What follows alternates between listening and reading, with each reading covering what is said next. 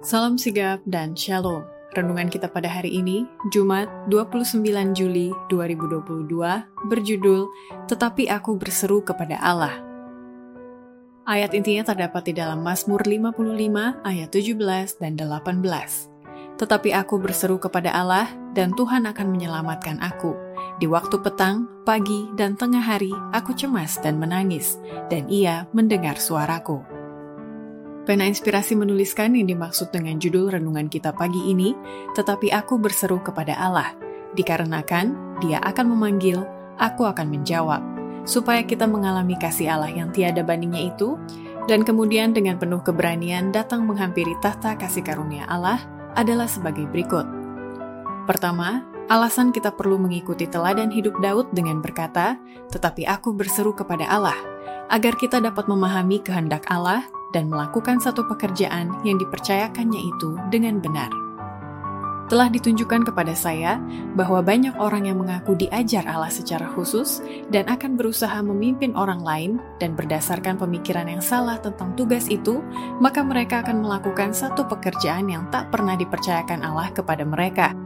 Akhirnya timbullah kekacauan biarlah setiap orang mencari Allah dengan sangat tekun bagi dirinya, agar dia secara pribadi dapat memahami kehendaknya.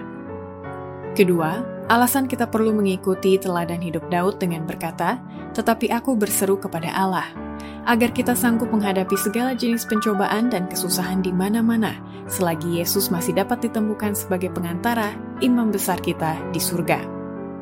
Kita akan menyaksikan kesusahan di mana-mana, ribuan kapal akan terlempar ke dalam laut, para pelaut akan tenggelam, dan jutaan nyawa manusia akan dikorbankan. Kebakaran akan terjadi secara tidak diduga-duga, dan tidak ada upaya manusia sanggup memadamkannya. Istana-istana dunia akan disapu bersih oleh api yang ganas. Kecelakaan kereta api akan makin sering terjadi. Kekacauan, tabrakan, dan kematian secara mendadak akan terjadi dalam lalu lintas perjalanan yang sangat luas. Kesudahan sudah dekat, pintu kasihan segera akan tertutup. Oh, marilah kita mencari Allah selagi dia masih dapat ditemukan, serukanlah namanya selagi dia dekat.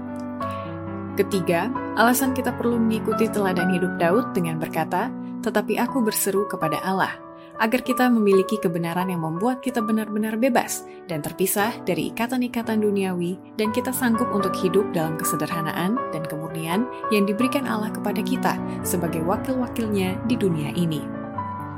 Apabila gereja-gereja saat ini menolak kejahatan dan memilih yang baik, bila mana ia mencari Allah dengan segala kerendahan hati dan mencapai panggilannya yang luhur di dalam Kristus, berdiri di atas panggung kebenaran abadi dan oleh iman bersandar teguh pada keberhasilan yang disediakan baginya, maka ia akan disembuhkan Gereja ini akan tampak dalam kesederhanaan dan kemurnian yang diberikan Allah, terpisah dari ikatan-ikatan duniawi, menunjukkan bahwa kebenaran telah membuatnya benar-benar bebas.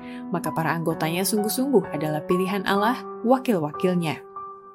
Keempat, alasan kita perlu mengikuti teladan hidup Daud dengan berkata, "Tetapi aku berseru kepada Allah, agar kita senantiasa menaruh minat untuk mencari pengetahuan akan Allah dengan selalu memandang tabiat Kristus untuk bisa memperoleh kekudusan, sehingga pengharapan kita mau ke surga tidak menjadi sia-sia.